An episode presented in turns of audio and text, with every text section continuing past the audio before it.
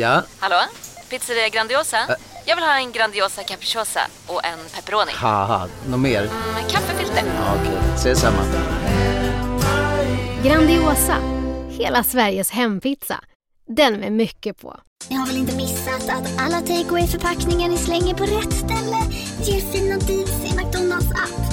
Även om skräpet kommer från andra snabbmatsrestauranger. Exempelvis...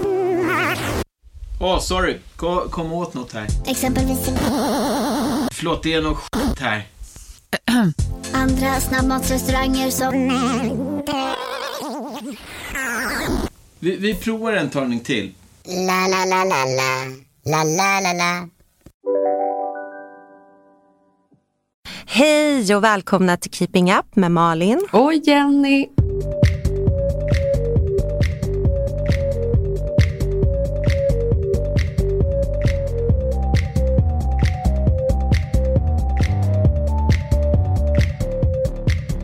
Vi är ju eh, på olika sidor Atlanten nu. Du sitter i Stockholm. Ja. Jag sitter faktiskt på Perfect Days kontor, min gamla arbetsplats. Ah. Hur Det var känns så det? mysigt. Nej, men det var konstigt när jag kom in här, för de har ju en poddstudio här.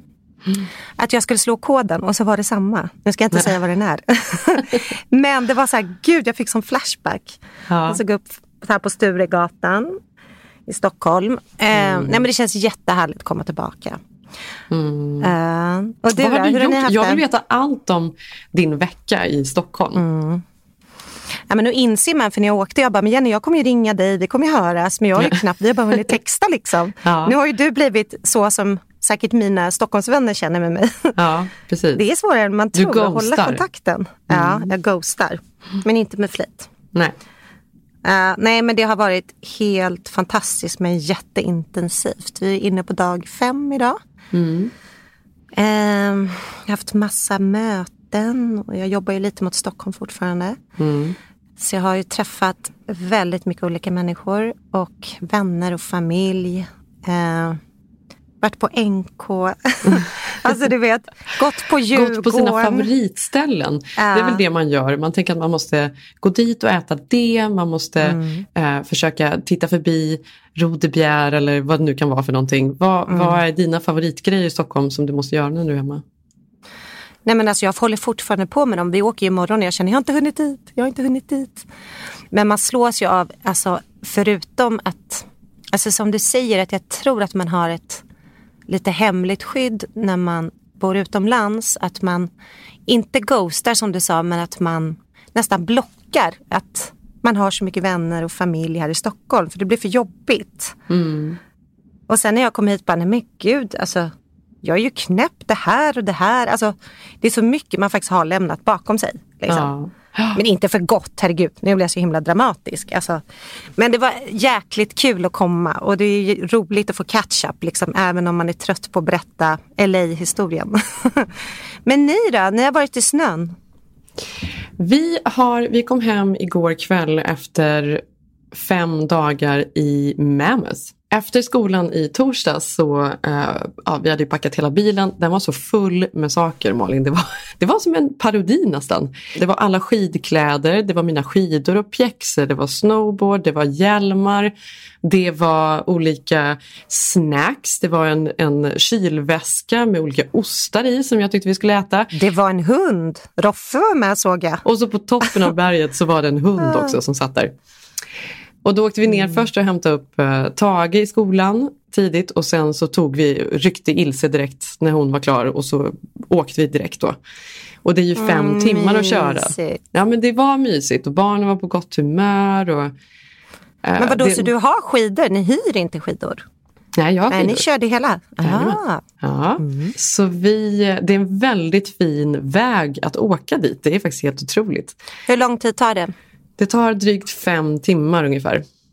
Det är långt. Klara tag i det. Klarar Ja. Roffe det?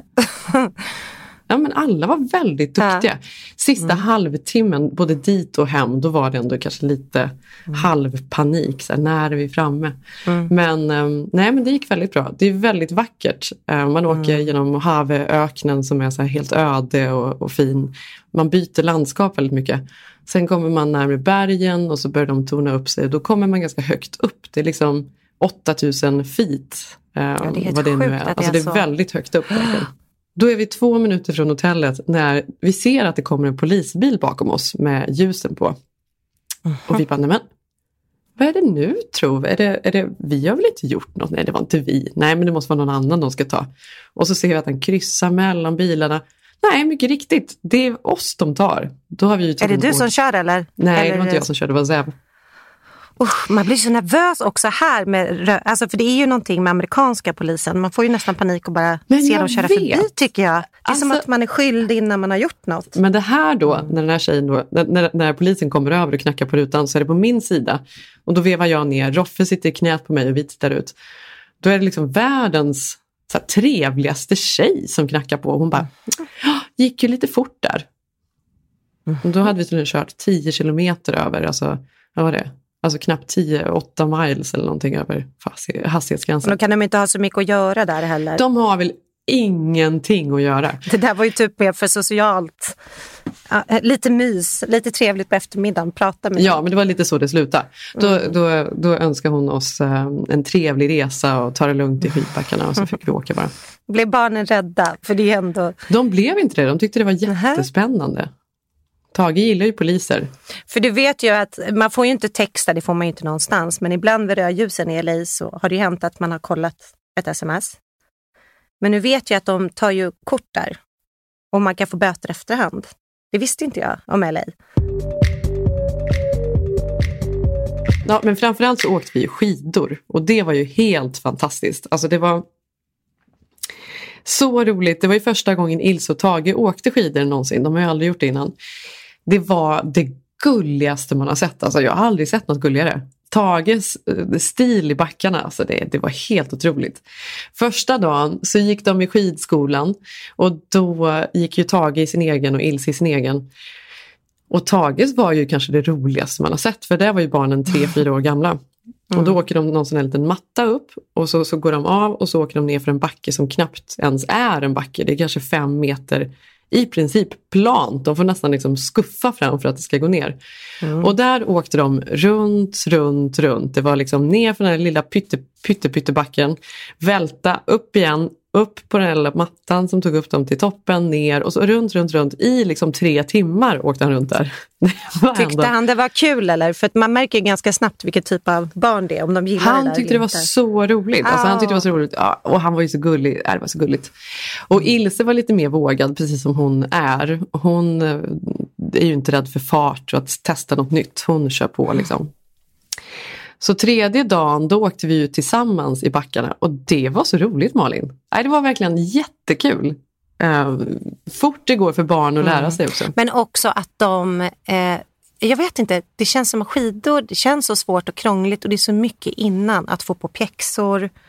Alltså Ja. Jag vet att jag till och med tackar, för vi är ju, jag har ju tre syskon så vi är fyra barn och vi åker alla skidor eh, eller utför. Och, eller slalom som man sa på 90-talet. Ja, Men jag kommer ihåg att jag en gång tackade mamma när jag hade lärt mina tre barn att åka skidor. Att tack att du gjorde det här för att man förstår ju vilken grej det är att få igång fyra skidor, stavar, pjäxor innan man är uppe i backen och får Exakt. åket. Ja. Då har man ju gått igenom ett inferno. Ja, det är en sån sträcka. Exakt så är det Vad kan man jämföra det med? Det finns ju inget som man får offra så mycket för att få så lite fast man ändå tycker det är värt. Alltså, Exakt. Nej, den där mattan upp så att säga.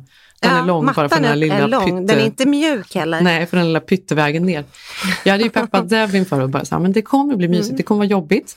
Vi kommer få bita ihop, det är mycket tålamod, men sen så kommer vi få så här mys på kvällarna det kommer ändå bli härligt. Men Mm. mycket tålamod, det kommer vara jobbigt.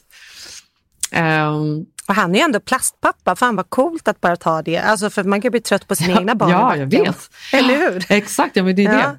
För han ville väl bara åka snowboard? Alltså, Ja, precis. Nej, men han, var, nej, det, det, det var, han var verkligen jättebra. Han hade mycket tålamod. Mm. Men du vet, när man har då tagit på den ena ungen eh, overall, det har bajsats, det har kissats av och på med overallen, fram och tillbaka, har alla druckit, sn eh, snyta näsor, var är hjälmen, varför har du tappat vantarna, in i bilen, av med stövlarna när vi kommer fram, på med pjäxorna, Tage får inte på Ja, pjäxan. men man är helt slut. Man Han bara gråter och han, det gör ont och man förstår inte varför och Ilse har sprungit iväg och då är det, då är det så här, man har, man har inget tålamod kvar och det är, det är ofrånkomligt. Man får ju det där brytet. Ah! Och sen så, det är ingen fara, mamma är, det var ingen fara, vad härligt nu så ska vi upp i backarna och så ska man liksom tillbaka till det där. Ah! Nej, men alltså det är det jag säger, det är ju så här, föräldrarnas tålamod att lära barn åka skridskor, att lära barn åka skidor. Det Ja. är en jäkla uppoffring, även om det är underbart när man väl står där. För Belly är åtta nu, hon har åkt i två år. Mm. Och hon kan också åka, liksom, nu kan vi gärna med henne, förutom behöver inte ens ha henne mellan benen, utan hon åker liksom lite. Ja, ja men det, för det gör ju... Då ja. är man ju bara yes, vi gjorde det. Men gud vad mycket svett och tårar tar sig dit. ja, Men hade verkligen. ni också så här, eh, jag vet att Sigge, Sigges pappa var ju så här först upp i backen för man skulle utnyttja liftkort för det är ju ganska dyrt. Det är så dyrt och det är så dyrt här alltså. Ja, och då fick inte de när de var små gå hem från, liksom, det var åtta på morgonen till åtta på kvällen för man skulle utnyttja det. Ja. Så att han hade ju så traumatiska minnen att så här, hjälmen satt så här, liksom fast i kinderna du vet. Ja. Och att han liksom, det var iskallt och han älskade att åka skidor men ändå var tvungen att köra i 12 timmar. Åh, Alltså, nej. den är nej, ju inte. så gör inte vi. Alltså, det har jag också. För, så tror jag mer att Zev har vuxit upp, för han har åkt mycket Mm. eh, bräda genom åren. Ja, men på tal om Sigge som, som, eh, och hans pappa där och, och hur våra föräldrar liksom planerade alla resor. Jag kommer ihåg när jag var fyra, fem år någonting. Då var vi i eh, Florida. Hela familjen flög till Florida och skulle gå på Disney World. Och det här var ju en jättegrej för familjen Karlsson. Gud ja, det var ju stort. Det är en lång resa. Ja, det var inte så många som hade varit i USA. Det var ju verkligen, USA var ju en grej. Amerikat, vad de höll på med där borta. Och Levi's var coola jeans för de var ju liksom från USA. Jag kommer ihåg att det var liksom en stor grej. Vi bodde till och med då på ett hotell, för det var genom min pappas jobb på något sätt. Så att, eh, jag tror inte vi betalade det själva helt. Men då bodde vi inne i Disney World på något hotell där. Ja, det har vi gjort en gång. Dream. Och jag minns att mamma tog ju med alla de små schampo och balsamflaskorna från hotellet. Det här var ju också någonting Ja. våra föräldrar gjorde. Gör du Ja. det fortfarande? Nej, det kan ju hända om man verkligen typ någon gång har bott på ett hotell, man så här verkligen, du vet, wow. Då har Ja. jag hänt att jag tagit med någonting. Men nej, inte så att man samlar, men det där var ju en grej för folk. Det var ju en sån grej. Vissa samlade på dem, eller hur? Ja. Visst var det så? Mm. Mm. Ja. Ja, men det var ett bevis på var man hade varit i världen. Mm. Nästan. Ja. Jag kan nog i och för sig erkänna att jag någon gång har snott med mig från, från eh, eh, The Parker i Palm Springs där de har Hermes-tvålar och bulgarikrämer. Att man har Mm. Ja, tagit men någon sån det där. är ju kanske en liten annan grej än något sånt där Ja. konstigt schampo som håret blir så svint och Ja, exakt från så. Disney. Så himla Alltså, dåliga, alltså Ja. verkligen. Men mamma tog i alla fall med dem där. Jag tror att det var som ett musseansikte, själva korken var liksom två, två öron. Mm. Sen kom vi hem i alla fall och de där åkte upp i badrumsfönstret stod de där uppe och där stod ju de i, alltså i flera år. Alltså många år stod Ja, de ja. där. De dammades av och de, de, stod, de hade verkligen så här i centrum stod de i badrummet. Och, så, och, och vi blev äldre och mina bröder då som är åtta år äldre än mig, de blev tonåringar. Och så en dag så kommer mamma ut. Vem har tagit av musseschampot? och vi alla är helt tysta. Vi bara, inte det vi. Då är det någon som har tagit musseflaskan, schampoflaskan och tagit hälften av innehållet och fyllt på med vatten. Så Va? den har liksom skiktat sig som vatten och olja, förstår man. Så den som har tagit schampot har ju tänkt att äh, Var det du? jag fyller på lite så att, så att det liksom inte ska synas att, den, att, att det är taget av. Var det din pappa? Vi sitter ju alla i chock. Vi tittar på varandra. Vi bara, vem kan det vara som har gjort det här? Mamma är helt ifrån sig. Så här gör man inte. Musseschampot, nu är det förstört. Ehm, och till slut då så ger sig min bror Henrik till känna att det var han som tog av musseschampot. Han kunde efter alla de här åren när han, Han har tittat på det här schampot sig. varje dag, flera gånger varje dag, så kunde han inte en dag hålla sig. Han ville prova musseschampot. Nej, men trauma. Men, gud. Så, du vet, nu när man tänker på det här så är det så sjukt att det där musseschampot stod i fönstret Ja. i alla år. Och också så roligt Så att han också har förstått att han ska hälla upp det som om det vore alkohol man snodde av föräldrarna första gången. Man skulle Exakt. fylla upp på bredden. Precis, så ingen skulle märka men att man ändå inte kunde hålla sig från det där dåliga schampot och använda det. Har din mamma kunnat skratta åt den här historien sen? Jag vet inte om vi har pratat Eller om det sen. Jag kommer att tänka på det nu när vi satt i bilen och åkte till Mammoth, jag och Zev, och vi satt och pratade om så här gamla minnen Mm, från när man minnen. åkte på semester med familjen och det kommer jag ihåg så himla starkt. Ja, men jag var ju säkert tio när det hände. Jag har ju stått där i sex år. Ja, men det är så märkligt vad man tar med sig från sina barndomsresor och minnen. Liksom. Ja. Ja, men jag tänkte faktiskt på det, för vi var i Alperna och åkte skidor för något år sedan, just med Sigges pappa, för han har åkt ganska mycket med våra barn. Mm. Eh, och då Hur är Sigge Klas i backarna? Han känns ändå Ja, som men- att han är, han är resolut, han är bestämd. Man åker så här, vad håller du på Det är inget tjafs med Klas. Ja men det Eller? är inget tjafs men Sigge fick ju panik för att vi var klockan åtta och han var så skynda skynda upp i backen, det har börjat. Jag bara, men vänta, vi är ju här för att det är semester. Vi är Ja. inte här för ett projekt. Nej. Och man såg att Sigge bara, hjälp, alltså för att då fick ju han tillbaka den här du vet, föräldrar-barn-relationen liksom, som Ja, det blir. Stressen. Och då insåg Claes, var, nej just det, och då kunde vi sätta oss ner och skoja och skratta och ta en kaffe till. Men Ja. bara, nej men vänta, jag står för, jag behöver inte vara effektiv. Jag tycker det är underbart att sitta i så här värmestugan och ta en äggtoddy. Alltså, Samtidigt som man förstår då att Claes satt ju där och räknade minuterna och det är så många, 20 kronor per, det är fem minuter, det är så mycket vi förlorar. åh, måste ni gå på toa igen?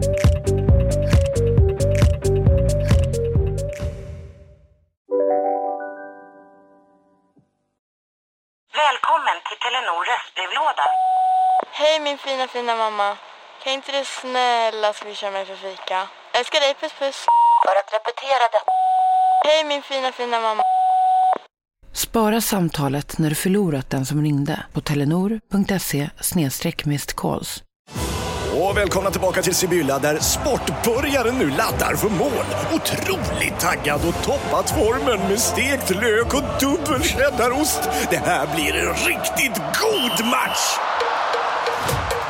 Sportbörjare, ett original i godaste laget. Från Sibylla. En nyhet. Nu kan du teckna livförsäkring hos Trygg-Hansa. Den ger dina nära ersättning som kan användas på det sätt som hjälper bäst. En försäkring för dig och till de som älskar dig. Läs mer och teckna på trygghansa.se. Trygg Hansa. Trygghet för livet. Men jag var med om en ganska obehaglig sak för jag hade precis landat här så skulle jag till Kungsholmen och gå till tandläkaren. Och sen så... Slog du vet- coronaviruset till. Nej men typ. Nej, men man är ju lite så här nojig, man precis kommit till en ny stad, man ska träffa massa, man har möten.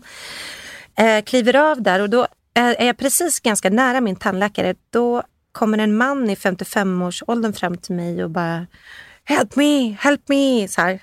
Nämen, Ja, och han är invandrare och pratar jättedålig svenska. Och så säger jag bara, what can I help you with? Ehm, han bara, I, I it feel like I'm dying, I'm dying. och jag bara, och då säger han så här, psykakut, alltså psykakuten förstår jag att han säger. Så han har Ja. väl typ någon panikångestattack, Jenny. ja gud vad dramatiskt. Ja, och jag förstod, för vi var ganska nära liksom själva sjukhuset och där det ligger, för det ligger typ där jag har ganska nära min tandläkare. Så jag förstod att läget, alltså han höll på hjärtat att bara, nej men han kommer inte hitta dit. För han var helt svettig och du vet hela jackan. Mm. Ehm, men man såg att det här är en, en person alltså i kris liksom. Ja, och vad gör, Han bara- man, vad gör man då? Nej, så först var jag så här, "Ah, men you go up and you take the right. Och sen han bara, okej, but where? Och sen jag bara, nej men gud vad håller jag på med? Jag bara, "Gå." ja men du vet, man blir ju så här handlingsförlamad. Ja. Så tänkte jag så här, ska jag ringa 112? Som bara, men det känns ju dumt för att vi ser ju sjukhus, alltså vi är 300 meter därifrån. Ja. Så till slut så tar jag faktiskt honom med armen Jenny och bara, jag följer med dig. Mm. Han bara, thank you, thank you. Och jag vet inte om han håller på att få en hjärtattack eller om det är en panikångestattack. Men det var så obehagligt för när man ser någons ögon typ att nej men du måste typ bara hjälpa mig. Ja. Och han orkade typ inte säga det.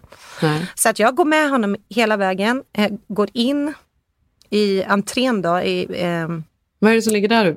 Var är vi? Är vi Sankt Görans eller? Ja, precis. Sankt Mm. Görans. Ehm, och jag vet inte ens, jag tror inte att det är, det här var ingången till sjukhuset, för jag vet ju inte om det, vad det är. Liksom. Nej. Men, och han pratar ganska dålig svenska, men ändå, han, han, han säger till mig, jag har barn, jag har barn, du måste hjälpa mig. Jag bara, ja men jag hjälper dig, ta det lugnt, jag hjälper dig. Jag följer med dig in på sjukhuset. Mm. Jag försöker ju vara lugn liksom. Fint. Eh, ja, ja, gud vad fin jag var. Nej men, nej, men det är jobbigt. Alltså, för det är ju läskigt för man blir själv så här äh, uppspelt. Liksom. Sen kom vi in och då förstod man ju hela den här byråkratin. Alltså du vet ju, väntlistan, lapparna och jag bara, han måste ju typ ha hjälp nu. Mm. Han kanske Mm. typ har Ja, om det är en hjärtinfarkt, absolut. Ja, eller är det en panikångestattack? Så jag springer fram till kassan, jag sätter honom ner på en stol och bara You sit here, I help you. Och så satte han sig ner och så fick jag springa fram till kassan och bara Ursäkta mig, den här mannen, jag vet inte vad det är men det är antingen hjärtat eller en panikångestattack men ni måste ringa på någon nu. Han har typ panik. Och då gjorde de det, så det sista jag såg att det kom någon efter kanske en minut. Ja. Tog han en rullstol och rullade iväg honom och han bara thank you. Alltså det var typ. Och då kände jag bara, men gud. Så så började hela min landning här i Stockholm. Men gud vad dramatiskt. Ja, så jag var lite så här. Kom till tandläkaren, hon bara, och annars är LA. Jag bara, ska jag berätta det här nu? var ändå lite sen in. Har du haft någon, någon panikångestattack någon gång? Jag vet faktiskt inte hur det känns. Jag har ju liksom, en av mina systrar har ju berättat, eller jag har många vänner, men jag har aldrig förstått att det är som att man verkligen känner att man får en hjärtinfarkt. Typ. Jag har ju haft det, Ja. fått det ett par gånger. Ehm, det är ju, jag har ju inte känt att det är en hjärtinfarkt utan jag har känt att jag inte får luft fast det enda jag gör är att andas. Liksom. Och, men det är ju väldigt, väldigt vanligt också. Alltså jag Ja. tror nästan merparten av mina vänner, skulle jag säga, har någon Absolut. gång upplevt det. Ehm, så det, det är ingenting konstigt. Men det är ju också en kombination av kanske att någonting händer i livet eller att man är väldigt stressad och så vidare. Jag har ju pratat om det någon gång innan att jag är dålig på att hantera stress också. Att jag är bra på att lägga saker och ting på hög och sen så går det bra i ett par månader och sen så plötsligt så kommer saker och ting ikapp och så, liksom blir det för mycket. Så nu har jag ju börjat meditera väldigt mycket. Gud vad härligt det låter. Ja, men det Nej, men jag, jag, jag säger inte det ironiskt. Nej, jag vet, menar det här är min nya Mm. grej. Det här är två gånger om dagen försöker jag avsätta fem minuter att meditera. Det är ju väldigt svårt. Jag är inte den typen av person. Jag vet inte, eller är man en typ av person? Ja, men man tänker att det är en liten rökelseperson. Man är lite rädd för det. Fast det är ju Ja. inte alls det. Det är inte alls det. Eller jag vet inte om jag tänker så. Jag tänker nog, det är nog den gamla bilden av Mm. folk som mediterar. Nu idag är det, är det ju alla som håller på med det. Alltså folk som ja, affärsmän och eh, kvinnor som, som sitter i bilen på väg till jobbet och mediterar i fem minuter. Mm. Folk som ja, i alla yrkesgrupper och alla typer av situationer i livet mediterar ju. Det har ändå blivit en väldigt erkänd metod Ja, just gud, för att ja. hantera alltså, Jag tror att det är jätteviktigt. Alltså, jag har ju pratat med dig om att det här är någonting jag vill som du vill komma till. Ja. Ja. För, men problemet är inte liksom rökelse, att det är det konstiga, utan jag har mer tänkt att jag inte är den typen av person som har det tålamodet. Mm. Som när jag tränar, då vill jag ta ut mig, det ska vara hårt, Mm. jag gillar att pressa mig själv. Jag är inte så bra på att ta det lugnt på det sättet. Jag tycker typ att det är svårt att andas på sättet de vill att man ska andas. Förstår du? Mm. Ja, men det är just därför kanske du och jag är personer som skulle behöva göra det. Ja, ja men det är det jag Alltså, tror också. Ja, För jag menar, jag har en- 100%. Exakt. Mm. Men hur som helst, nu har jag då ähm, äh, Under fem det. dagar. Alltså, det Va? var ju bara en vecka sedan vi såg. Så hur länge har du kört? Nej, men jag har väl kört kanske i så här tio dagar eller någonting. Mhm. Eller nästan två Mm. veckor. Två gånger Alltså, det här är ju väldigt nytt, så nu försöker jag komma in i det. Jag försöker få in rutinen, jag försöker bli liksom beroende av det. Så att säga. Mm. Att det här är verkligen något jag måste göra och göra varje dag. Ehm, men då läste jag igår en artikel ehm, som jag tyckte var intressant. Det står då att eh, meditation har funnits i liksom tusentals år och, eh, men det är först nu som man då hela tiden håller på att göra nya undersökningar och man kommer fram med Mm. nya resultat då som kommer av meditation. Um, Some studies indicate that meditation can physically change the brain and body, capable of reducing blood pressure, alltså minska blodtrycket. Um, det tar bort ångest, depression, Mm. eh, insomnia. Alltså väldigt många problem blir bättre av meditation. Man får bättre minne har jag hört. Absolut, allting. Enligt en rapport då som, eh, där, de tog, eh, där de röntgade hjärnorna på folk som hade eh, mediterat. Då. Det var 16 personer som mediterade och då, kollade de, då tog de röntgen två veckor innan de började sin meditation och Mm. två veckor efter de slutade. Och då skulle de då se vilka som höll på med meditation och vil- vilka som inte gjorde det. Och då såg de att de hjärnorna på människorna som höll på med meditation, då fick de mindre grey matter, alltså den här placken som man kan få på hjärnan med åren. Den minskade, alltså det som de hade innan försvann med meditation. Och då pratar man också nu om att ehm, Other work by the same team has also found that meditation causes 50-year-old meditators to have the same amount of grey matter as 25-year-olds. Alltså man blir så mycket Mm. yngre så hjärnan blir 25 år yngre genom meditation. Jo, men det var ju det här jag sa med minnet, för det är Ja, ju vetenskapligt. exakt. Att man samlar Precis. ihop sig, att man inte blir lika splittrad.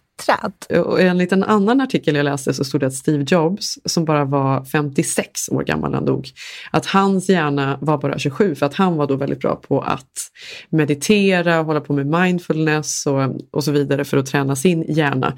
Och enligt Psychology Today så Ja, men så är det verkligen så att man kan göra hjärnan yngre med meditation på ett sätt man inte kan med något annat. För man pratar ju ofta om kostvanor, eh, träning och så vidare för att, och vilka mediciner man tar i livet, allt man stoppar i sig, alkohol, cigaretter, allt sånt där. Hur det kan få en hjärna att bli äldre och att man får Alzheimers eller olika typer av problem. Men att meditation är det som ensamt, alltså på riktigt är det enda, inte det enda, men som verkligen gör en stor skillnad.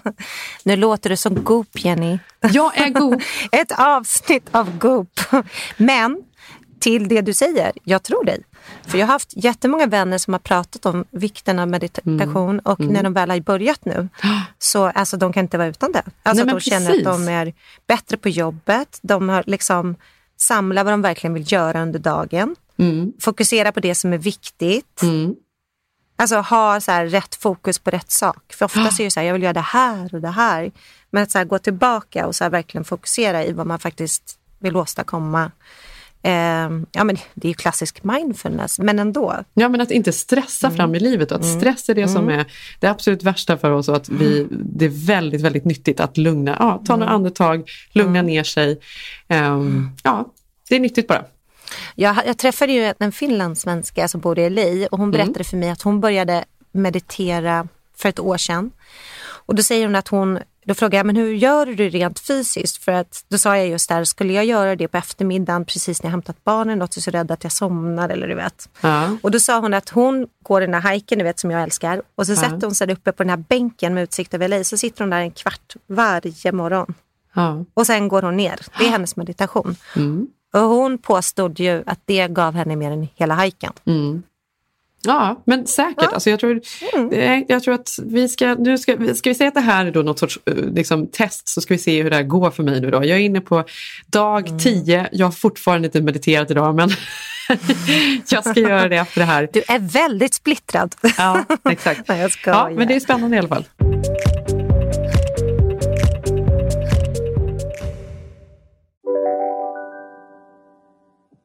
Demideck presenterar Fasadcharader. Dörrklockan. Du ska gå in där. Polis? Effektar? Nej, tennis tror jag. Pingvin. Alltså jag fattar inte att ni inte ser. Va? Nymålat! Men det var många år sedan vi målade. Demideckare målar gärna, men inte så ofta. Bara på Storytel. En natt i maj 1973 blir en kvinna brutalt mördad på en mörk gångväg. Lyssna på första delen i min nya ljudserie. Hennes sista steg av mig, Denise Rubberg. Inspirerad av verkliga händelser. Bara på Storytel. Nej. Dåliga vibrationer är att gå utan byxor till jobbet. Bra vibrationer är när du inser att mobilen är i bröstfickan. Få bra vibrationer med Vimla. Mobiloperatören med Sveriges nöjdaste kunder enligt SKI. Läckberg var med i Skavlan och då hade Aftonbladet lagt upp en bild på henne, för hon pratade om sin mamma, så de har lagt upp en gammal bild på henne och hennes mamma och så en ny bild från Skavlan nu, där Läckberg, Mm. som hon säger, skriver om själv då, har gått upp lite i vikt och hon är medveten om det och tycker att det är jobbigt då, Mm. skriver hon på sin Instagram bland annat. Och då är det ju någon person efter det här som har kommenterat, nu kommer inte jag ihåg exakt vad kommentaren var, men det var Nej. någonting om hur ointressant hon tyckte hon var och att hon typ borde gå ner i vikt eller något sånt där. Alltså en helt Ja. vidrig kommentar. Mm. För då i alla fall la hon ju ut en skärmdump på den här kommentaren Mm. eh, varpå den här personen som har kommenterat har då fått stänga ner sitt konto för hon har fått så mycket hat och Instagram har tagit bort det här inlägget från eh, Läckbergs Instagram då för, för de menar att det här är mobbing och så vidare. och så vidare. Det är ju, jag tycker det är intressant ändå just med näthat och sånt vi har pratat om innan att folk tycker att de har rätt att sitta och skriva saker Ja. i folks kommentarsfält. Det är fascinerande. Hur kan man göra det? Nej men det sjuka med det här Jenny, för det tänkte jag ta upp till dig, för jag sitter och bläddrar i de här kommentarerna Mm. och känner igen det här användarnamnet, det här trollet. Men vi har ju knappt fått några negativa kommentarer, men det här är en person som jag vet någon av våran så här redaktörer har plockat bort någon gång för den hade skrivit något taskigt. Det är samma Ah, Är det sant? Som har, som har Ja. trollat hos oss också? Som har trollat hos oss. Men jag Ja. tror, jag, så kanske det också är. Att det är vissa som trollar runt mycket snarare än att... Jag tror, inte, alltså, jag tror inte det är så många som orkar trolla för mycket. Eller? Nej, inte nu idag, men det här var ju också så här noll följare, noll inlägg typ. Ja. Du vet ett sånt, verkligen startat för att trolla runt. Sådana kommentarer som man kan få ibland från just sådana konton Mm. tycker jag att man kan ta bort. Om det inte är en rimlig diskussion från en människa som faktiskt existerar så, så tycker jag man bara plockar bort dem. Men jag, jag tycker det är sjukt Mm. att folk tycker det är rätt att sitta och hålla på och kommentera någons vikt eller någons någonting. Alltså det är fascinerande för mig. Eh, ja, och så var det ju det här med att Stina Wolter har nu, vilket är jättebra, eh, hon har ju också ett Instagram där hon har varit väldigt eh, kroppsaktivist har man väl kallad för, men tycker hon gör väldigt bra grejer såklart. Mm. Men hon hade anmält någon, för hon får väldigt mycket dickpics skickat till sig och hade nu anmält någon som faktiskt hade åkt dit för det. Så jävla skönt. Ja, gud vad Alltså, skönt. Det här, jag tycker att det, det är också ännu ett väldigt fascinerande Mm. fenomen. Detta med att män, när de ska liksom trycka ner en kvinna på något sätt, då ska Mm. de visa snoppen. Här har du snoppen. Den är liksom, snoppar är så otroligt, alltså, ganska Så fula lågt. egentligen. Alltså jag förstår Ja, är så ingenting. det är så sjukt. Alltså- Nu ska du ha lite snopp. Vad är det? Mm.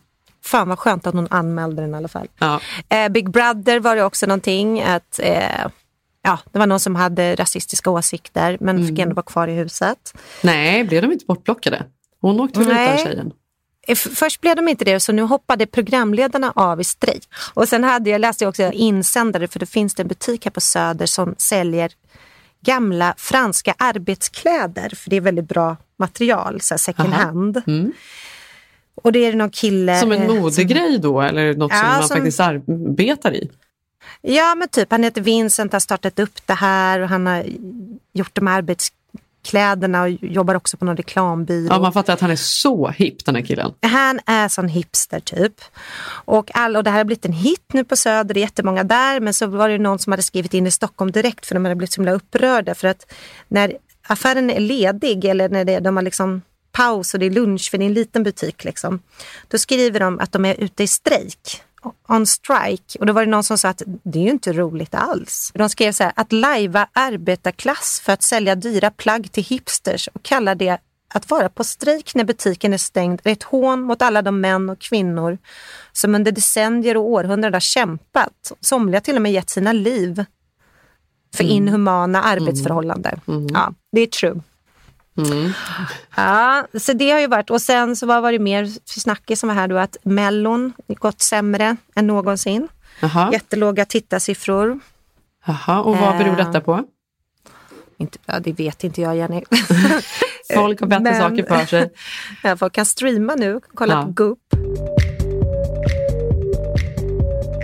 Ja, men på tal om Stockholm och allt man känner igen där så tänkte jag på det är nästan pinsamt att säga att jag faktiskt såg uppföljaren till den första säsongen um, av You, som är en serie på Netflix. Såg du första säsongen?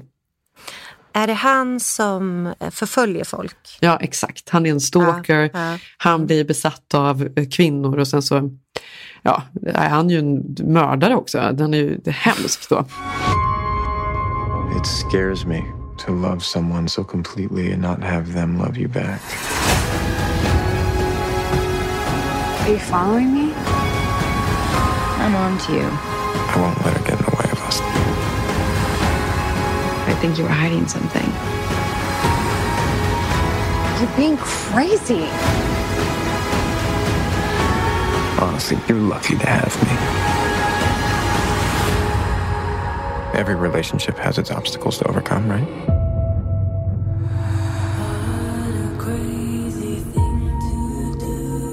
Men vänta, det här är samma skådis som spelade i Gossip Girl, eller? Ja, exakt. Det är, han heter Penn Badgley, han som spelar huvudrollen. Han spelar alltså en eh, stalker. Han hittar en tjej, han blir besatt av henne och så till slut så när han ändå inte kan få henne hela vägen så har det väl slutat lite blodigt då, ett par gånger kan man säga. Han är en psykopatisk mördare kan man väl säga. Men det som då är för den är ju ganska lightweight den här serien ändå. Och det som är ganska kul är väl hans sätt att prata om omgivningen då, att hela tiden cyniskt Mm. kommentera eh, vår nutid på något sätt. Hur vår, våra beteenden, hur man tar en bild för sociala medier, alltså typiska saker pekar han på, på i eh, ja, i vår, vår vardag helt enkelt. Och i andra säsongen så har han nu då flyttat till LA. Just det, jag såg bara första, första delen på andra säsongen för jag kände att shit alltså. Ja. det är ju spårad. Ja, den är ju väldigt, väldigt spårad och den är också ganska dålig. Andra säsongen är ju kanske ännu sämre så jag vet inte varför jag såg den men jag hade väl liksom ingenting kvar att titta på helt enkelt. Men Du hade inte mellon. Nej, precis. Men det som var då är att han hela tiden kommenterar på vad som är LA och från då en New Yorkers, alltså östkustpersons eh, point of view på sätt och vis. Vilket är väldigt negativt hela tiden. Allt är ju så löjligt. Det är så lätt att göra ner LA på något sätt. Och enligt honom då i ett avsnitt så pratar de om de sju totempålarna. Alltså Mm, sju saker mm. man måste se i LA för att kunna kalla sig för Angeles. Mm. De tänkte jag gå igenom med dig. Mm. Får jag se om du är det då Jenny? Exakt. Jag ska se om du är det än. Totem 1. En rollerblader i booty shorts. Alltså i hotpants. Inte riktigt där än. Nej, Men vi har ju det? pratat om att, vi har pratat om att komma till Venice och göra det. Ja, bli en sån. Sanningen. Ja, för det här är ju ändå någonting man ser absolut ute i Venice. Det är folk i, på rollerblades, i väldigt små kläder och så vidare. Gud, ja. Det är som att det liksom är 80-90-tal där fortfarande. Kanske är en modern version av det här då än att man åker scooter istället. Det kan man se över hela stan då för att det är Mm. väldigt många som hyr de här scootersen och åker runt på. Som är livsfarliga Santa Monica. Ja. Även här i Stockholm. Jag tycker Ja. det är helt sjukt att det är lagligt. Nu skriver du en insändare. Ja, det gör jag. Mm. Hipster-insändare. Totem number two. Polishelikopter. Det ser man ju överallt hela tiden. Det är ju en sån otrolig LA-grej då eh, med helikopter överallt hela tiden. Ja, det är det. Att de också förföljer, att man kan liksom se. Jag har till och med sett att de har polishelikoptrar har såna här, vad heter det, spaningsljus. Om de letar efter en eh, tjuv, att de verkligen bara är stor jäkla strålkastare. Ja, absolut. Det är du van. Jag ser det nu. Du bara, ja ja, men för mig var det helt sjukt. Jag bara, vad är det de gör? Så kommer så här ljus Ja. ner och jagar typ någon brottsling på marken. Ja, men det, har jag, det var jag med om i förra Ja. huset, kommer jag ihåg någon natt, att jag vaknade upp av att de cirkulerar ovanför huset. Vaknar och tittar ut och hör att de också gapar. We see you in the bushes. Och man bara, nej, var är de? Det är ändå läskigt. Kunde vara på det är baksidan. jättesjukt. Totem 3. Uh, a pack of coyotes. ja, det har man ju sett. absolut. Mm. Totem nummer 4. Ja, det här är ju kanske något man inte har sett. Då. A palm tree on fire, alltså ett, ett, en palm som brinner. Det har jag sett uppe hos oss. Det har du ju gjort ja, titta! Ja, vad pratar du om? Alltså, jag har också sett ett house on fire. Ja, precis. Men det, det, börjar nästan bli som en, en, en, en utav de här pelarna i LA nu faktiskt. Sorgligt nog. eh, Totem 5. Två stjärnor som har på sig samma klänning. Ja, den känns lite svårare kanske. Nej, det förstår jag inte. Nej. Det där är typiskt you-manus. Ja, exakt. Totem 6. En hund i en barnvagn. Mm, det är Ja. Loffe. Ja, det, nej, men de ser Snart. man ju faktiskt sjukt nog överallt. Det är någon Gud, som brukar gå uppe i Griffith Park nu ute och hajkar, går med sina hundar uppe i hajken i en, i en barnvagn. En sån speciell hundvagn. Liksom. Ja, men Jenny, Beverly Hills, alltså det är ju det är bara hundra barnvagnar. Ja. Eh, Totem 7. En off-brand superhero. Mhm. Alltså, Vem- de ser man väl Mm. ändå överallt. Om man nu Mm. åker Hollywood Ja, ja, ja, och typ mm. Highland så ser man dem gå där. Alltså de här Mm. utklädda stjärnorna som har stått på Hollywood Boulevard och tagit betalt för bilder där med turister. Mm. Fast de måste jag säga, de finns ju på Times Square också. Ja, det gör de. Alltså, precis. jag kommer ihåg, ja. där blev jag jagad någon gång när jag inte gav en fem dollar för Bell råkade ta kort med typ Superman. Nej. Och de bara, hello, give me money. Och jag kände bara, gud jag hade ingen aning att det kostade pengar. Hade inte på mig. det är det det gör. Bli jagad. Ja. Men sen när det är level up då så är det Seeing Angeline. Och det, vi har ju inte pratat om Angeline. Vet du vem Angeline är? Seeing Angeline, nej. Alltså hon kanske var en av de första influencersarna eller en, en typ av Paris Hilton kan man säga. En blond tjej som alltid åker runt i en illrosa bil. In 1984, she started appearing on billboards all around Hollywood, a single name sensation known as Angeline. And before there was Paris Hilton or Kim Kardashian, she was the first to be famous just for being famous. And if you recall, she even ran for the governor of California. The inspiration, uh, I guess I mm, I like my big eyes and my lips. I guess it's from myself, I suppose. I like that. Hon blev en grej, hon blev liksom en finns hon institution kvar? nästan. Hon finns fortfarande kvar och ibland kan man se På den här illrosa bilen och så tittar man in och så ser man att det är Angeline som står där. Och bland annat förra månaden så hade hon köpt en billboard här nere på Sunset i Silver Lake där det bara var en enorm bild på Angeline. Och om man nu då springer in i henne så kan man ta bild med henne men hon är ju precis som då stjärnorna på Hollywood Boulevard men det kostar inte bara 5 dollar utan det kostar 20 dollar att ta en bild med henne. Men då är ju inte jag riktigt Angeles. För att jag inte allt. Mycket kände jag igen. Men Mm. jag är ju inte där. Jag har ju inte sett Angelina än. Nej, precis. Fan. Okej Jenny, jag längtar efter dig och LA. Ja, jag längtar efter dig. ju. Kom hem nu så att vi får eh, ordning på våra liv här. Ja, det får vi göra. Mm. Så att vi kan åka rollerblades i Venice i helgen. I hot pants. I Så hot otippat. pants. Och arbetsjackor som jag kommer med från Stockholms hipstersöder. Ja. Ja, jag saknar dig. Eh, kolla in oss på Keeping Up med Jenny och Malin. Mm, jag heter Jenny Ham på Instagram och jag bloggar på Damernas Värld. Och jag heter Malin Eklund med tre U. Följ oss där så hörs vi nästa vecka igen. Det gör vi. Ha det bra. Puss puss!